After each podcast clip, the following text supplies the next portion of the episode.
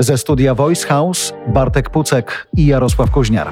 W najnowszym odcinku podcastu Technologicznie Świat technologii dzieli się na kilka potężnych wiosek: chińską, indyjską, rosyjską i te świata zachodniego.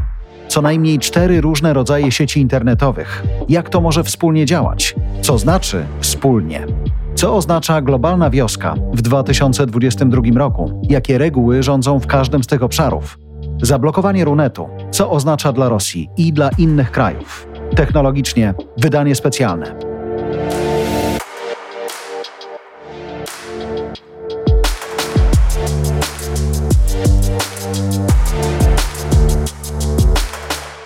Warszawa, Szwecja. Wracamy ponownie w nowym odcinku technologicznie. Odcinku, który siłą sytuacji, wciąż patrząc na Ukrainę, będzie miał ukraiński, w tym przypadku także rosyjski kontekst.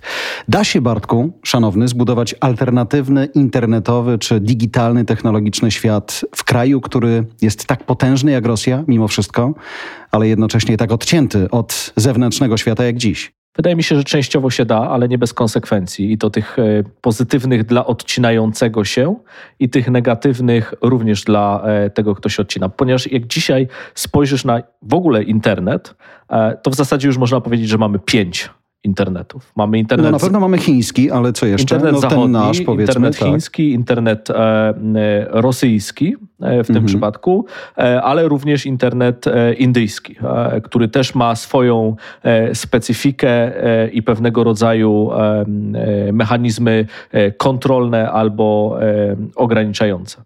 Bo właśnie kiedy powiedziałeś specyfika, jak kiedy myślę sobie o tych różnych internetach, indyjskim, chińskim, rosyjskim już, ale też tym powiedzmy zachodnioeuropejskim, to ta różnica jedyna dla mnie, laika, to jest właśnie większa kontrola. Chiny, myślę sobie, totalna kontrola wręcz. Rosja dzisiaj totalna kontrola wręcz. Indie, tak jak powiedziałeś, też kontrola. Czy jest tak, że one są, czy poza kontrolą one czymś się różnią? Tak, i to nawet jeżeli odłączymy na chwilę ten element e, właśnie związany z kontrolą, e, Czyli moderacji, ten poli, polityczny czy geopolityczny i hmm. spojrzymy hmm. po prostu na strukturę tych, e, tego internetu, e, właśnie chińskiego, ale w szczególności właśnie rosyjskiego, to trzeba też e, zauważyć, że on jest bardzo nakierunkowany wewnętrznie i odpowiedniki, czyli też największe platformy, które w takim internecie funkcjonują, e, są odpowiednikami tego, co możesz spotkać na przykład w internecie zachodnim, czyli e, rosyjski internet, tak zwany Runet, szeroko pojęty, to jest około 115 do 120 milionów użytkowników internetu, czyli około 80-85% populacji. I mm, tak naprawdę e, około e, powiedzmy w pierwszej, Rosja jest w pierwszej pięćdziesiątce, jeżeli chodzi o e, dostęp do szerokopasmowego internetu. I jeżeli spojrzymy na rosyjski internet z punktu widzenia produktowego, z punktu widzenia usług, to bardzo silne są tam usługi, które są wytworzone e, w Rosji. E, takie jak e, serwisy społecznościowe typu Odnoklasiki, czy V-Kontakte, czy Live Journal właśnie do, do blogowania i, kontentu. Czyli charakterystyka rosyjskiego internetu polega również na tym, że mamy w nim do czynienia z odpowiednikami zachodnich serwisów. Telegram, który był stworzony przez Rosjanów, Rosjanina, który rzekomo jest bezpiecznym e, e, komunikatorem, którego nikomu nie polecam. Jako alternatywę e, można używać komunikatora Signal rosyjski internet jest internetem nakierunkowanym wewnętrznie i obsługującym jakby potrzebę rosyjską.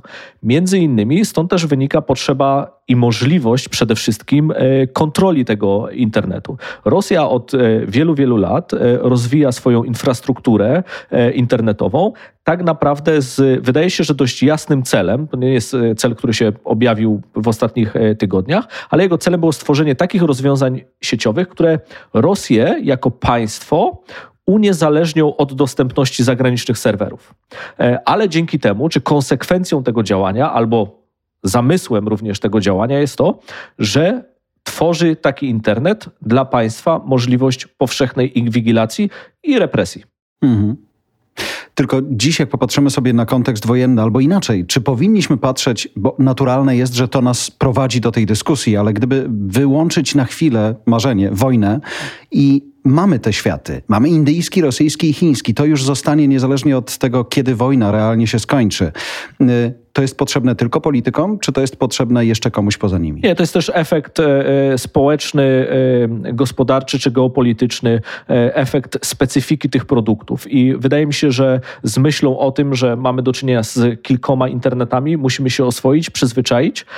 Wydaje mi się, że konsekwencją również tego będzie, jak będziemy postrzegali po prostu budowanie produktów i firm też, też technologicznych, czyli takich, które, gdzie wiemy, że budując nasz produkt, czy udostępniając nasz produkt, decydujemy się go uruchomić na przykład w, w cudzysłowie zachodnim internecie, a innego rodzaju produkt będzie uruchamiany w e, internecie chińskim. I tak też e, funkcjonuje wiele firm, które decyduje się na uruchomienie dedykowanych e, produktów w Chinach albo korzystanie właśnie z, z chińskich platform na tamtych rynkach, albo do niedawna na rynku rosyjskim, obecnie już jakby w następstwie tej inwazji i ataku Rosji na Ukrainę wydarzyły się dwie rzeczy. Po pierwsze, część firm bardzo słusznie podjęła decyzję o wycofaniu się z tego rynku, ale również trzeba powiedzieć, że to rosyjscy urzędnicy też ograniczyli dostęp do pewnego rodzaju produktów, tak? E, lub wprowadzając e, e, przepisy czy ustawy, które za publikację treści w określonych serwisach albo za udostępnianie treści w ramach tego serwisu no, groziły odpowiedzialność karna w Rosji. Słyszałem od wielu firm IT, które decydowały się wejść na rynek chiński w czasach jeszcze e, no, mm, bezwojnia, e, że najłatwiej oczywiście było im założyć oddział w Chinach. Tak samo zresztą wiele mówi o Stanach Zjednoczonych paradoksalnie, znaczy może nie paradoksalnie, tak? że jeżeli chcemy eksplorować się na rynku amerykańskim, fajnie mieć tam w ogóle założoną spółkę i być tam. W tym internetowym nowym świecie, nowym ładzie, jak to, jak to wygląda? To znaczy, co nowego albo co inaczej trzeba zrobić, żeby móc pewne produkty sprzedawać na rynkach, które właśnie internetowo są inne niż zachodnie.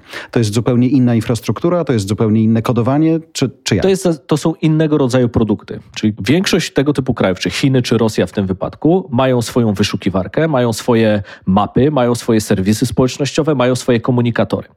Co w konsekwencji oznacza, że prowadzenie na przykład działań reklamowych czy korzystanie z tego rodzaju serwisów oznacza po pierwsze konieczność obecności na tym rynku, dotarcia z ofertą do tego typu klientów i tak naprawdę no, wczepienie się w, w, ten ekosystem, tak? czy dołączenie się do tego ekosystemu, co do niedawna miało różnego rodzaju konsekwencje, w szczególności dla sieci społecznościowych, które były z różnych powodów atakowane przez rosyjski e, rząd.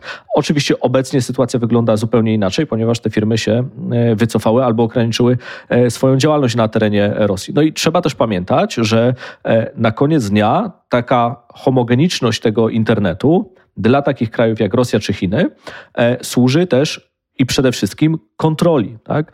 I możliwość zastosowania w infrastrukturze e, internetu, takich mechanizmów, które są związane z przepływem danych. To się ładnie nazywa Deep Packet Inspection, czyli możliwość podsłuchiwania tych danych, oglądania w cudzysłowie tych, e, e, tych danych, prowadzi do kontroli i do represji. Stąd między innymi popularność VPN-ów w takich krajach i w takich państwach, ponieważ pozwalają one w do pewnego stopnia zabezpieczyć możliwość korzystania z, czy posiadanie dostępu do informacji. No ale w tej chwili będzie to w znacznym stopniu ograniczone i trzeba przyznać też, że taki internet działa na e, pranie mózgu w sposób e, bardzo dobry. To znaczy, masz dostęp do informacji e, ograniczonych, masz dostęp do propagandy, masz dostęp do dezinformacji, które są przygotowywane na rzecz tych obywateli, co z perspektywy oczywiście nie tylko ostatnich tygodni, ale wielu lat prowadzi do takich, a nie innych postaw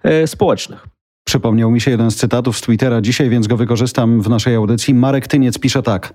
Jedna z pań, która mieszka u nas w biurze, rozmawiała z siostrą, która żyje w Rosji. Zanim zdecydowała się na wyjazd do Polski, kilka dni siedziała w piwnicy, chroniąc się przed bombami. Siostra twierdzi, że przecież nic się nie dzieje i nie ma wojny. Pani już niestety nie ma siostry. To jest ten moment a propos prania mózgów, tak? I tego, jak dzisiaj rzeczywiście nawet wyglądają te podsłuchane rozmowy rosyjskich pojmanych żołnierzy ze swoimi rodzinami, które się dziwią, że jest jakaś niewola, jest jakaś wojna i zastanawiają się, gdzie, gdzie ci synowie są. Ale powiedziałeś VPN i był też taki mem krążący po sieci, kiedy wiadomo było, że świat wprowadza kolejne sankcje, gdzie fejkowe konto Władimira Putina pisało coś takiego, ups, to chyba czas na VPN-a dla mnie. Y, VPN to jest też coś takiego, co, nie wiem, ja pamiętam ze swojej podróży do Chin, musiałem mieć, żeby móc mieć dostęp do interesujących mnie stron, które były zakazane czy zamknięte na terenie Chin. Czy dzisiaj mm, myślisz, że ci, którzy będą żyli albo już żyją w tych zamkniętych enklawach indyjskiej, chińskiej, rosyjskiej teraz, e, będą mogli poprzez właśnie takie VPN mieć dostęp do świata? Czy na tyle technologia chińska, indyjska, rosyjska będzie już silna, że nawet VPN-y zostaną zagłuszone? Do pewnego stopnia, dlatego że każde, każde systemy e, da się złamać. E, najsłabszym ogniwem w zakresie bezpieczeństwa zawsze jest człowiek. Jest ta porada w wielu miejscach e, związana z bezpieczeństwem, o której e, warto pamiętać, że nie wwozi się swojego telefonu na teren Chin. E, czyli jeżeli chce się udać tam na wycieczkę, to lepiej sobie kupić inny, mm. inny telefon, z którego na co dzień się nie korzysta. I tego typu usługi jak VPN, Tor czy na przykład Signal mogą być mm. albo blokowane, E, w, e, w określonych krajach, albo możliwość, czy też korzystanie z tego typu narzędzi może być albo nielegalna, albo zakazana, albo utrudniona. E, natomiast trzeba mieć świadomość tego, że takie narzędzia są, że one funkcjonują, że pozwalają również omijać tego rodzaju praktyki związane właśnie z cenzurą czy z podsłuchiwaniem. Hmm. Wracając do tego nowego porządku internetowego, indyjski, chiński, rosyjski, czy wydaje ci się, że Ha, chociaż szukam teraz po świecie, czy są jeszcze jakieś takie regiony, które będą chciały iść podobną drogą, ale patrząc po skali, to rzeczywiście Indie, Chiny, Rosja i właściwie spora część świata już jest, jest zamknięta. Czy są jakiekolwiek, wiem, że to jest szalenie głupie pytanie, ale zadam je, niech będę adwokatem diabła. Czy są jakiekolwiek korzyści dla obywateli Indii, Chin czy Rosji z takiego zamknięcia? To nie jest głupie pytanie, uważam, że to jest bardzo dobre pytanie. To jest, e, to jest świetne pytanie, dlatego że z naszej perspektywy, z perspektywy e, Polski, z perspektywy Ukrainy, z perspektywy świata zachodniego, e, trzeba przyznać, że jest to nie, nie jest to bardzo złe rozwiązanie, dlatego że konieczność wprowadzenia swojego własnego internetu, swoich własnych rozwiązań, e, swojej własnej infrastruktury, budowania tych produktów również umożliwia przeprowadzanie e, na szerszą skalę ataków na kluczowe elementy infrastruktury w, takich, w takim e, internecie.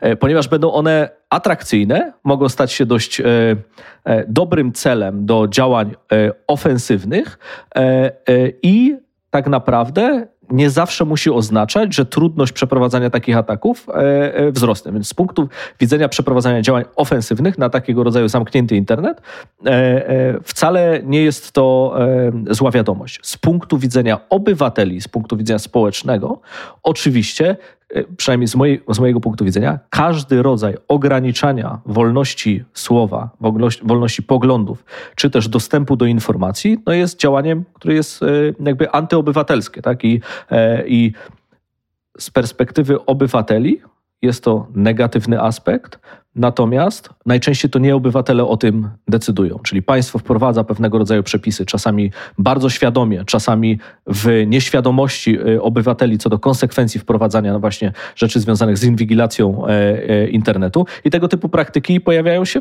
wszędzie, albo inaczej, w wielu krajach. Niektóre kraje oczywiście doprowadzają to do skrajności, Rosja, Chiny. E, natomiast praktyki związane z próbą ograniczania e, e, działania czy też wolności słowa w internecie no są obecne niestety w wiele więcej, wielu więcej krajach.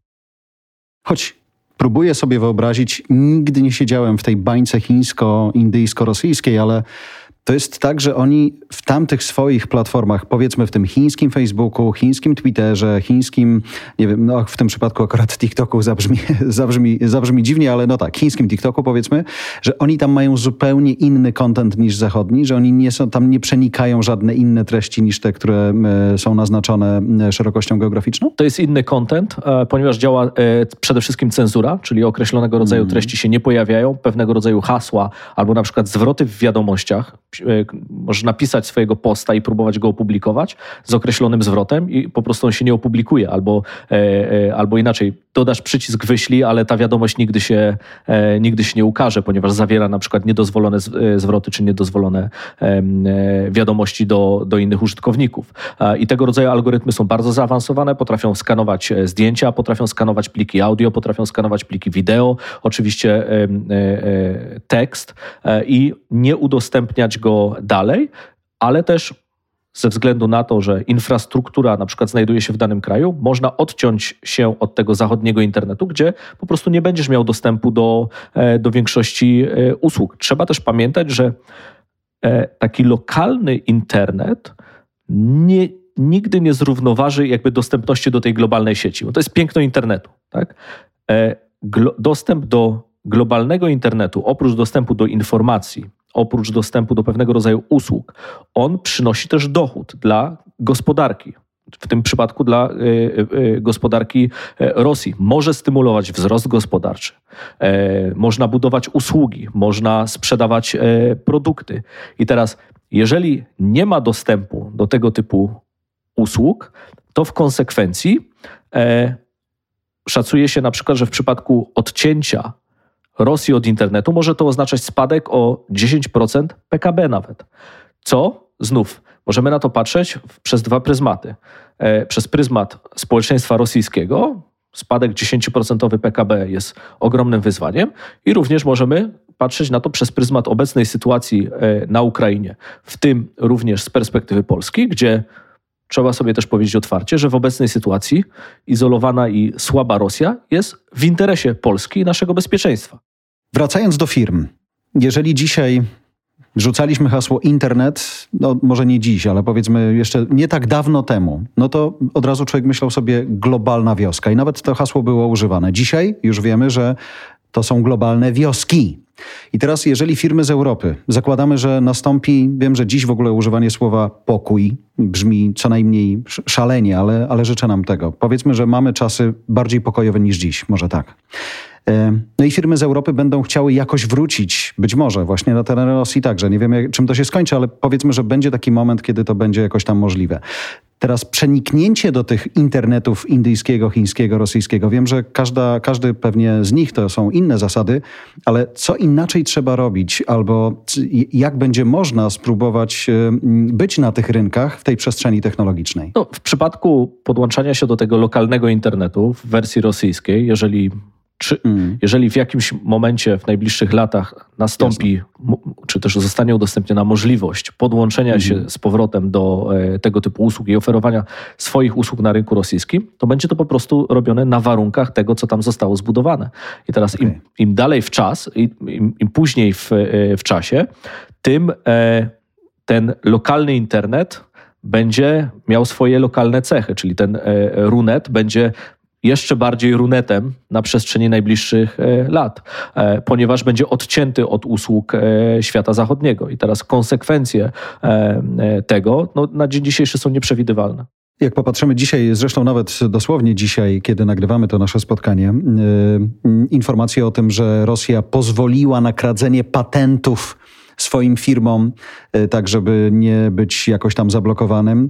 E, to jest trochę tak, że kiedy ktoś gdzieś, albo nawet dziś, tylko powiedzmy nie na rynku rosyjskim, ale chińskim czy indyjskim, chce mieć e, jakiś swój e-commerce, to rozumiem, że zasady są, są chińskie czy, czy indyjskie. To jest inny sposób programowania, czy to jest tylko inny sposób dostarczania informacji, innych produktów, albo inne, legal jest inny tylko i wyłącznie? To jest zbliżony sposób tworzenia produktów i firm z lokalną specyfiką, ale również z możliwością czasami dokonania pewnego rodzaju skoku technologicznego.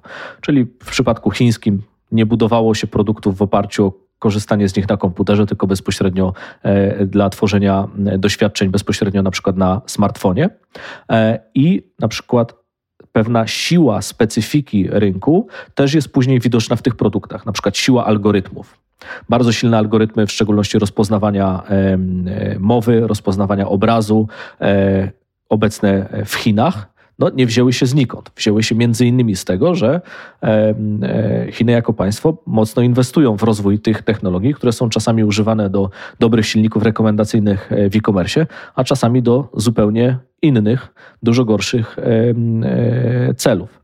I taka konsekwencja, czyli ten przysłowiowy e-commerce będzie budowany w zbliżony sposób za pomocą zbliżonych technologii, ponieważ praktyka e, budowania tego typu produktów jest w zasadzie dostępna, e, świadomość, jak budować tego typu produkty jest wysoka. Natomiast jeżeli chodzi o specyficznego rodzaju technologię, e, która może być na przykład patentowalna, która może być wykorzystywana jako przewaga gospodarcza albo jako przewaga konkurencyjna, zawsze będzie stanowić łakomy korsek zarówno dla takiego wywiadu gospodarczego w rozumieniu korporacyjnym, jak i w rozumieniu państwowym. Gdybyśmy teraz mieli pomyśleć o tym bardzo globalnie, nawet geopolitycznie, to istnienie dzisiaj na świecie takich właśnie enklaw, tych internetowych różnych wiosek, choć tak naprawdę skala Rosji, Chin czy Indii to, to, to, to duża wioska. To rozumiem, że prowadzenie jakichkolwiek e, wojen w przyszłości, albo nawet tych informacyjnych, e, czy odcinanie części świata od reszty świata będzie prostsze niż kiedykolwiek. Internet jest teatrem wojny. Jednym z możliwość przeprowadzania takiego tak zwanego blackoutu, czyli całkowitego hmm. odcięcia na przykład obywateli od, e, od internetu, jest również elementem takiego teatru wojny i tego typu scenariusze mogą być, e, mogą być wykorzystywane. Dostęp do informacji w czasie wojny czasami może przybierać te aspekty takie bardzo ważne i humanitarne, na przykład wprowadzenie przez Google możliwości informacji w telefonach z Androidem o trwających na Ukrainie nalotach. Taka mhm. funkcjonalność została wprowadzona w, e, w ostatnim czasie. No to jest wykorzystanie technologii po to, by ratować życie e, w danym momencie w określonym teatrze wojny.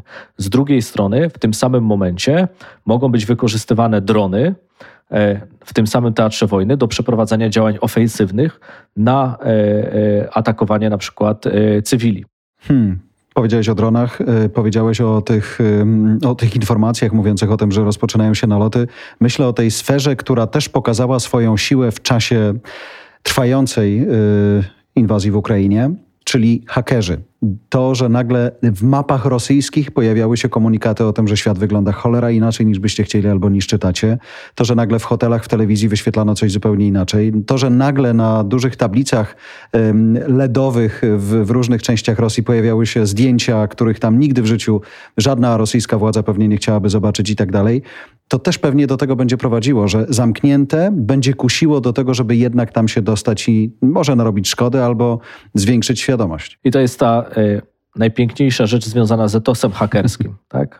To, co widzimy dzisiaj. E, te e, grupy które organizują się po to, żeby przeprowadzać te ataki hakerskie, próbować dostać się z wiadomością, z informacją, z obrazami, z nagraniami z Ukrainy, do obywateli Rosji, to jest taki element, który e, absolutnie jest zgodny z e, tym etosem e, hakerskim. Oczywiście oprócz tego mamy do czynienia z czymś, czego na co dzień nie widzimy, czyli z tą niewidzialną wojną, która dzieje się codziennie w internecie, w której no, można powiedzieć, że wszyscy e, e, ścierają się różne strony konfliktu. Tak? I to są zarówno działania ofensywne po stronie Rosji wymierzone w Zachód, po stronie Rosji wymierzone w Ukrainę i oczywiście z drugiej strony są to działania e, obronne albo działania ofensywne. Bardzo dobrze, że takie rzeczy również nie pozostają bez odzewu, ponieważ ilość dezinformacji, która jest generowana, automatycznych farm, troli itd., tak itd. Tak jest po prostu ogromna ogromna i tak jak popatrzymy sobie nawet dzisiaj na, no, nie wiem, rano jedna z wiadomości, która mnie zbudziła, to jest y, screen z konta twitterowego ambasady Rosji, już nie pamiętam gdzie, który to tweet został zdjęty mm, przez y, właściciela, czyli przez Twittera, dlatego że no, no, była tam szerzona dezinformacja. Dziewczyna, która jest bohaterką wielu zdjęć fotoreporterów, kiedy zakrwawiona ucieka, w ciąży zresztą ucieka ze szpitala w Mariupolu, została zestawiona ze swoimi wcześniejszymi zdjęciami, kiedy pokazywała jakieś kosmetyki i tak dalej. Później ze swoimi zdjęciami sugerującymi, że tak jest naprawdę jest aktorką podstawioną przez ukraińskich, w cudzysłowie, nazistów, chociaż Rosjanie tego cudzysłowu cholera tam nie postawili. I znów mamy tak, ja mam, jak patrzę sobie na to, takie poczucie, że skoro żyjemy w zamkniętych światach, my w Twitter jesteśmy w tym zachodnim, wy Rosjanie jesteście w tym swoim runecie, ale każdy z nas w sumie ma ochotę wpaść na chwilę do was i zawiesić wam nasz komunikat. Ten powiedzmy bardziej prawdziwy niż to, co wy pokazujecie. To się nie skończy, a jednocześnie będzie się jeszcze bardziej potęgowało. Ta dezinformacyjna wojna będzie przybierała nawet w czasach umownego pokoju czy postukraińskiej wojny jakieś rozmiary, których do tej pory nie jesteśmy w stanie sobie wyobrazić. W niektórych krajach zachodnich umiejętność rozpoznawania dezinformacji oraz analizowania informacji jest elementem programów nauczania od pierwszej klasy szkoły podstawowej. Mm. I wydaje się, że z punktu widzenia edukacyjnego jest to absolutna dziura i luka, z którą sobie w wielu krajach do tej pory, w tym w Polsce, nie poradzono. I ponieważ nie mamy umiejętności albo inaczej, nie zostaliśmy nauczeni umiejętności analizowania, wykrywania i bycia krytycznym w stosunku do informacji, które pojawiają się w internecie. Dlatego te, te działania dezinformacyjne dla wielu osób są łatwym celem dla tego typu praktyk. Więc to jest z punktu widzenia czysto edukacyjnego. E, jest to rzecz, którą można by było zmienić e, choćby jutro, e, ale konsekwencje edukacyjne będziemy wtedy odczuwali przez wiele, wiele lat, ponieważ informacja i dezinformacja w internecie będą z nami, moim zdaniem, dopóki ten internet będzie funkcjonował w ten czy hmm. inny sposób. Z drugiej strony mamy do czynienia w tej chwili z konfliktem zbrojnym, z atakiem Rosji na Ukrainę i konsekwencją tej wojny informacyjnej jest pojawianie się komunikatów, które dla powiedzmy sobie zdroworozsądkowego człowieka są absurdalne. Natomiast dla Rosji nie oznacza, że nie powinny się one pojawiać, ponieważ będą wzbudzać e, zdenerwowanie, zaskoczenie, irytację. E, być może e, dodatkowo dojdą do tego trole, które będą stymulować e, tą dyskusję po to, żeby ludzi ze sobą kłócić, podjudzać, pobudzać tego typu, po to, żeby odwracać uwagę od innych rzeczy, które aktualnie się dzieją, ponieważ wtedy dyskusja, w Twoim przykładzie, który podałeś, jest o tym, czy zdjęcie jest prawdziwe, no tak. a nie o tym, że ktoś zbombardował szpital dziecięcy, co hmm. powinno być przedmiotem nie tylko dyskusji, nie tylko oburzenia, ale też przede wszystkim kontrdziałania. I w momencie, w momencie, w którym pojawia się tego typu dezinformacja, służy ona tylko i wyłącznie przełożenia atencji z faktu, że zbombardowano szpital dziecięcy na to, że ktoś jest być może aktorką, a być może się sugeruje jeszcze inny, e, innego rodzaju e, informacje, które po prostu odwracają uwagę. I trzeba zawsze zwracać na to uwagę, jakie jest drugie dno i, i, trzecie dno tego typu e, informacji. Choć gdybyśmy dzisiaj na chwilę odłożyli sobie te technologiczne cuda typu, nie wiem, Facebook, Twitter, TikTok, e, Instagram, w wydaniu chińskim inne, w wydaniu indyjskim inne, w wydaniu zachodnioeuropejskim inne, no to znów mamy tak samo McDonalda globalnego. Ale za chwilę ma być McDonald's tylko rosyjski. Mamy mm, restauracje z pizzą, do tej pory globalne, za chwilę będą tylko rosyjskie. Mam takie poczucie, że wszystkie te firmy, które chcą, wycofują się, czy tylko zawieszają swoją obecność w Rosji na jakiś tam czas, może, może na zawsze, że Rosjanie mówią spokojnie do tego swojego narodu, będziecie mieli własne, nie wiem czy tak samo smaczne, jeśli tak można powiedzieć, ale będzie własne.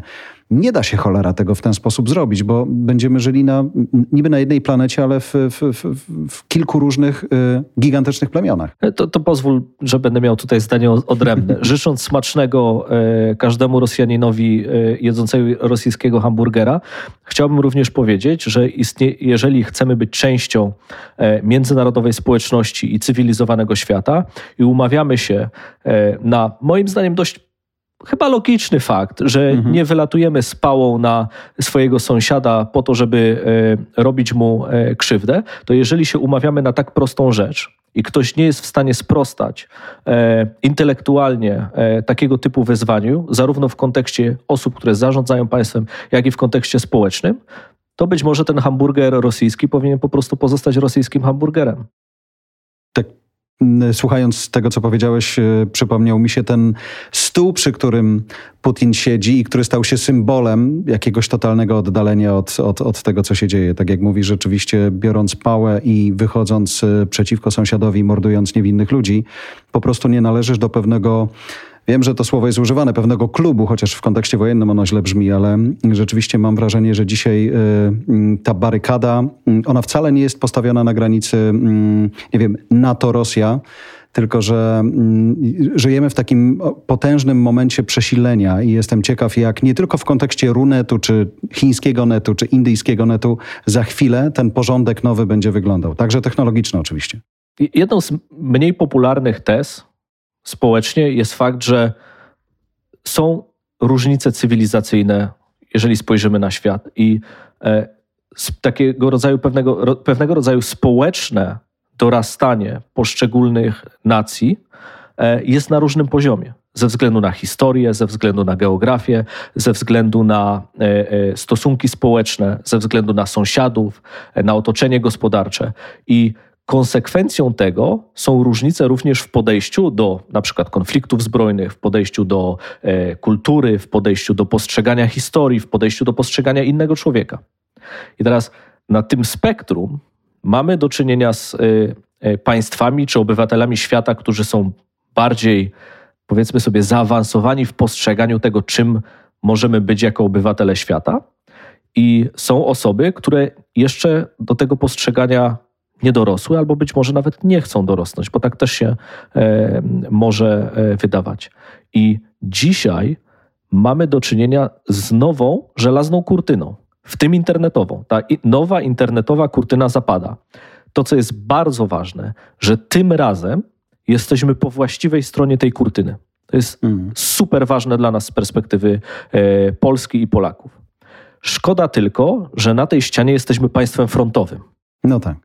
Tylko wiesz, kiedy mówiło się o tej żelaznej kurtynie kiedyś i rzeczywiście byliśmy po innej stronie, szczęśliwie to jest już historia, nie pre, ale historia, a wydarzenia na Ukrainie w ogóle pokazują, że tak naprawdę tym bardziej nie można mówić pre, bo to może wrócić y, szybciej niż nam się wszystkim wydawało, ale dla technologii to przecież ten internet nie idzie wzdłuż granic y, geograficznych. Jak, jak, jak on jest wytyczany? Jak, jak to działa? To jest właśnie piękno internetu, bo on polega, dostęp do internetu czy możliwość dostępu do internetu powinna być nieograniczonym, nieograniczoną możliwością hmm. dostępu do informacji. Dostęp do internetu powinien, powinien być jednym z praw człowieka, ponieważ jest to dostęp do informacji, dostęp do dóbr, dostęp do usług, który z zasady powinien umożliwiać dostęp do, w zasadzie poszerzać możliwości dla każdego człowieka. To jest dostęp do edukacji, to jest dostęp do informacji, to jest dostęp do usług. I teraz, jeżeli to się odbiera, tak naprawdę ogranicza się możliwości dla każdego człowieka na Ziemi. W przypadku samego internetu, dzisiaj będziemy mieli do czynienia z kilkoma tymi wioskami, o których e, e, powiedziałeś. Czy one będą ze sobą jeszcze kiedyś rozmawiać, albo w jaki sposób one będą rozmawiać, to jest jedno z najtrudniejszych pytań dzisiaj. E, jedną z konsekwencji tego, co może dzisiaj mm, się wydarzyć z punktu widzenia budowania firm technologicznych, jest to, że część firm całkiem słusznie biorąc pod uwagę obecną sytuację, po prostu zdecyduje się budować usługi na jeden, dwa, być może wybrane wioski czy wybrane internety, i w ramach nich będziemy mieli do czynienia z różnymi nie tylko z różnymi rodzajami internetów, ale też z różnym poziomem ich zaawansowania i z różnymi rodzajami usług, które będą tam dostępne. I teraz możemy sobie powiedzieć, być może warto jest być ok z tym, że e, być może technologia rozpoznawania obrazu nie będzie dostępna w zachodnim internecie w taki sam sposób, w jaki będzie dostępna w rosyjskim internecie. I myślę, że też warto być z tym e, wtedy ok, ponieważ internet jest również trudnym czasami trudnym balansem pomiędzy e, wolnością a rozwojem technologicznym i technologią, a ta technologia zawsze może być użyta na dwa sposoby. I będąc po tej stronie żelaznej kurtyny, bądźmy zwolennikami tego, żeby ta technologia była właśnie używana w ten dobry i proobywatelski sposób, a nie po drugiej stronie kurtyny, kiedy ona będzie używana w sposób, który z zasady będzie projektowany do kontroli y, obywateli. Amen. Panie Bartku, bardzo dziękuję. Dziękuję. Dziękujemy za Twoją uwagę. Jeżeli jeszcze nie subskrybujesz naszej audycji, zrób to na Apple Podcast czy Spotify. Dzięki temu nie przegapisz najnowszego odcinka i pomożesz nam wspinać się na listach podcastowych przebojów. Twoja opinia zostawiona na Apple Podcast pozwala usłyszeć tę audycję większej grupie ludzi. Podobnie ze Spotify. Odpowiedz na pytanie, które tam stawiamy i zachęć do tego innych. Fajnie, kiedy polecisz naszą audycję znajomym. Podaj im link, niech dołączą. Zapraszam też na stronę Voice House po więcej dobrej treści.